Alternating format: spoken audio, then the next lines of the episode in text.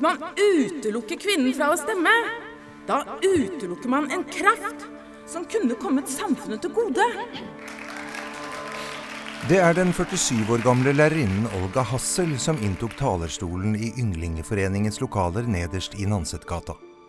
Året var 1896, og det norske samfunnet var i ferd med å bli mer demokratisk. Ja, dette året fikk alle menn stemme ved lokale valg. Men tanken om at kvinner skulle få lov til å stemme, det møtte fortsatt eh, sterk motstand. Ja, og fremtredende politikere hevdet at hjemmet ville gå i oppløsning. Ja. Og barn ville bli forlatt skrikende i vogga hvis kvinnen fikk plass i det offentlige rom. Søstrene Olga og Erika Hassel fra Nanset våget å stå opp for kvinnelig stemmerett i ei tid da kvinner helst ikke skulle heve stemmen. Hassel-søstrene var lærerinner i Larvik-skolen. Ja, Olga var en av de aller første kvinnene som ble ansatt i skoleverket i Larvik. Da hun fikk jobb ved Pikeskolen i 1877. Og den ti år yngre søsteren Erika jobbet i folkeskolen. Søstrene var beleste og bereiste, de brevvekslet med kjente forfattere i inn- og utland, og drev en diskusjonsforening for kvinner hjemme i huset sitt på Nanset. I, I januar 1896 så innkalte vi til stemmerettsmøte for kvinner. På forhånd bekymra vi oss for om det ville komme noe på møtet. Ja. Å engasjere seg politisk blei jo sett på som lite kvinnelig. Og vi fikk vite at det kunne straffe seg å samle kvinner på denne måten. Olga Hassel fortalte om truslene i et brev til kvinnesaksaktivisten Gina Krogh. Det hadde ikke manglet på velmente advarsler fra den mannlige side mot ikke å holde møte, da vi, som fikk det i stand, ville komme til å unngjelde for det. Men vi kunne naturligvis ikke ta hensyn til det. Vi satte saken i Guds hånd og lot det stå til. Det ville jo være å fornekte en god sak hvis vi hadde unnlatt å arbeide for den på vår måte, bare for å spare vårt eget skinn. Søstrene trengte ikke å bekymre seg for oppmøtet. Da møtet starta denne januarkvelden, var lokalet nederst i Nansekgata fullt av engasjerte kvinner. For Olga og Erika Hassel var det viktig at kvinner fikk slippe til i samfunnsdebatten. Fikk vi bare lov til å hjelpe til, så ville dette komme til å se annerledes ut, både i statsliv og kirke. Vi mener ikke det at mannen har gjort det så gromme dårlig, men vi tror det ville blitt enda bedre hvis kvinnen fikk kommunal stemmerett. På en måte kan mannen i kommunestyret kun representere seg selv. Han kan kun gi sin egen kraft, ikke kvinnens. Å utelukke kvinnen er å utelukke en kraft som kunne komme samfunnet til gode.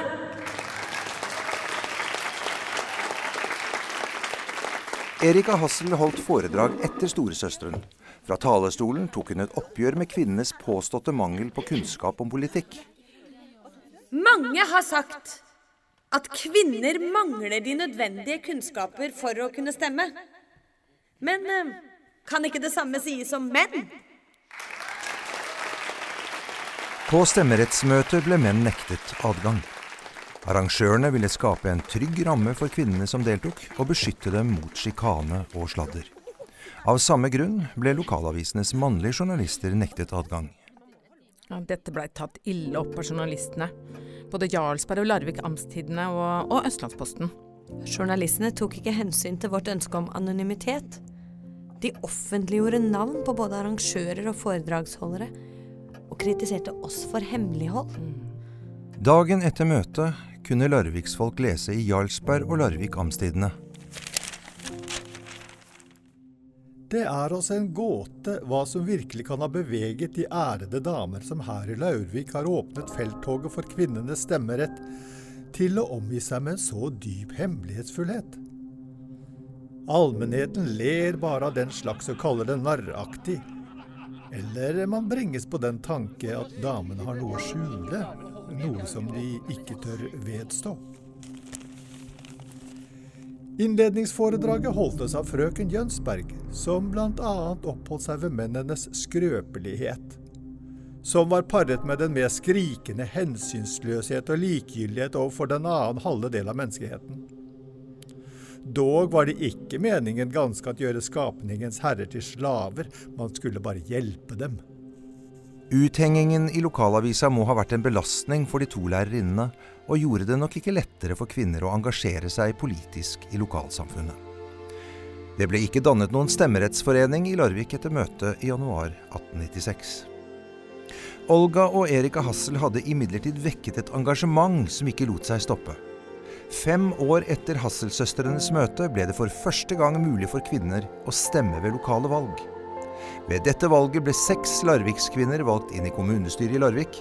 Ingen andre kommuner i Norge hadde høyere kvinneandel.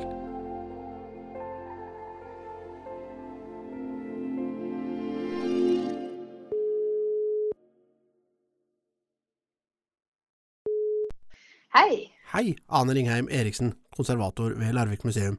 Det er Kjetil Wold som ringer. Du, hvordan gikk det med søstrene Hassel?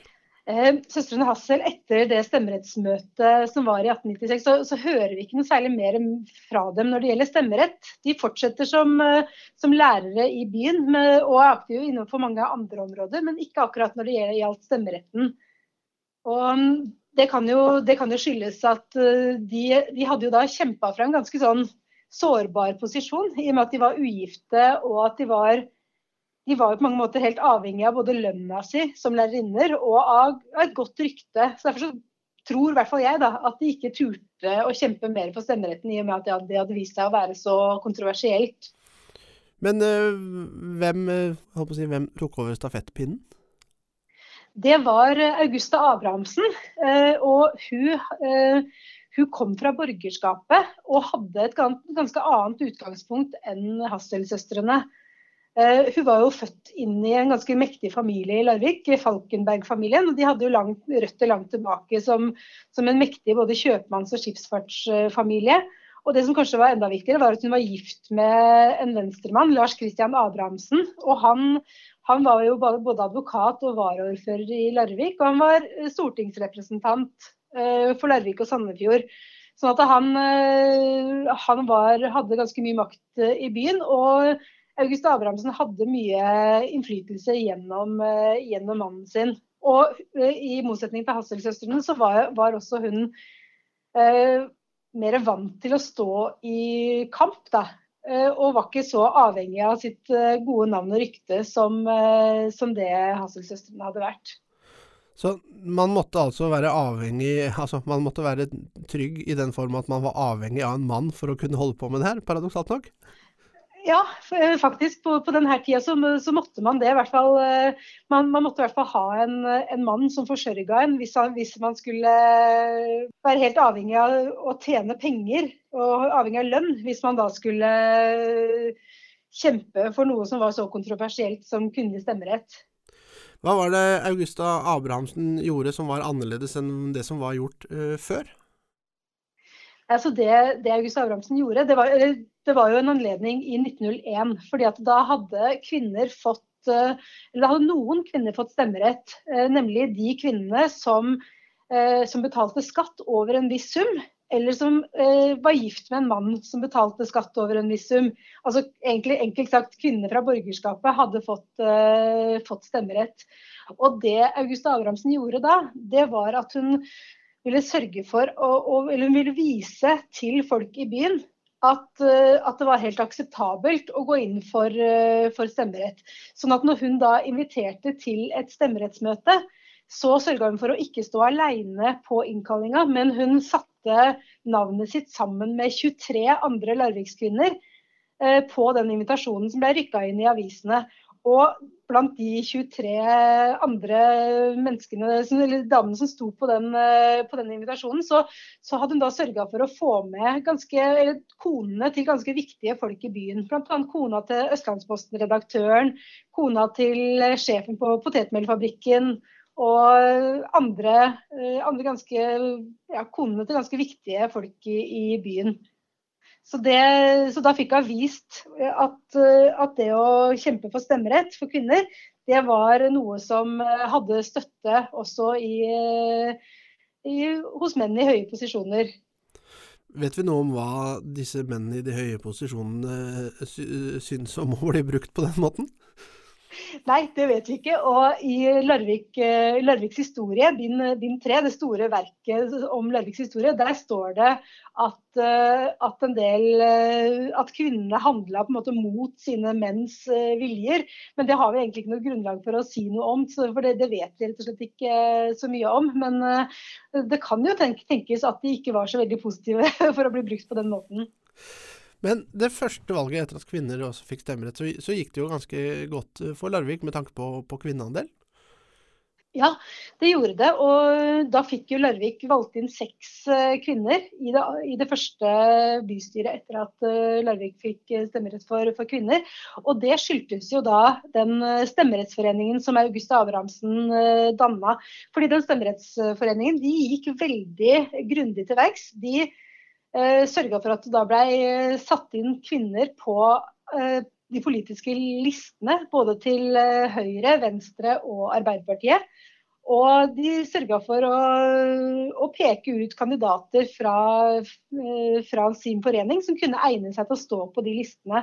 Og så jobba de hardt for å, for å, få disse kvinnene valgt. Og, og det ga resultater. sånn at Eh, ved valget i desember 1901 eh, så hadde faktisk eh, Larvik høy, ja, høyere kvinneandel enn noen annen by i, i, Norge. Var det her noe som holdt seg over tid, det å opprettholde en, en god kvinneandel? Ja, vi ser faktisk at uh, hvis vi ser på andelen kvinner i kommunestyret i Larvik og andelen uh, kvinner i kommunestyrene på landsbasis, så ser vi at, uh, at Larvik hele tida ligger til dels ganske mye høyere enn eh, landsgjennomsnittet. Og det varte faktisk helt fram til 1980-tallet. Eh, ja, og da var det noen grunn til at det, det avtok? Ja, eh, eller jeg, jeg, tror nok at det skyldtes den kommunesammenslåinga i 1988. Eh, fordi når man da skulle slå sammen, eh, slå sammen politiske lister fra fem kommuner, så det, var det nok lett for at, eh, at kvinner havna lenger ned på listene. Da. Fordi vi ser at, at kvinneandelen går ganske drastisk ned ved, ved valget i forkant av kommunesammenslåinga. Så ser vi jo at eh, først, først nå da, så begynner eh, Larvik, kvinneandelen i Larvik å, å nærme seg eh, landsgjennomsnittet igjen. Nå ligger vi nesten på landsgjennomsnittet. Tusen hjertelig takk for praten, Ane Ringheim Eriksen. Tusen takk. Takk til konservator Ane Ringheim Eriksen ved Larvik museum, som også har skrevet portrettet om Olga og Erika Hassel i samarbeid med journalist Christian Baalsrød. Illustratør er Christina Dissington. I rollen som Olga Hassel hørte vi Mari Ravler Johansen, og som Erik Hassel Trine Merete Sjølyst. Som journalisten fra Jarlsberg og Larviks Amtstidene hørte vi Fredrik Lange Nilsen, alle fra Larvik Teater. Som fortelleren hørte vi Geir Atle Johnsen, som også er ansvarlig for lyddesign. Følg oss gjerne på Facebook, Larvikspodden Ropert eller Vi350. Du finner også Larvikspodden på Instagram. Ansvarlig for podkasten er foreningen Ropert, produsent Firfel AS. Det stemmer. Bye.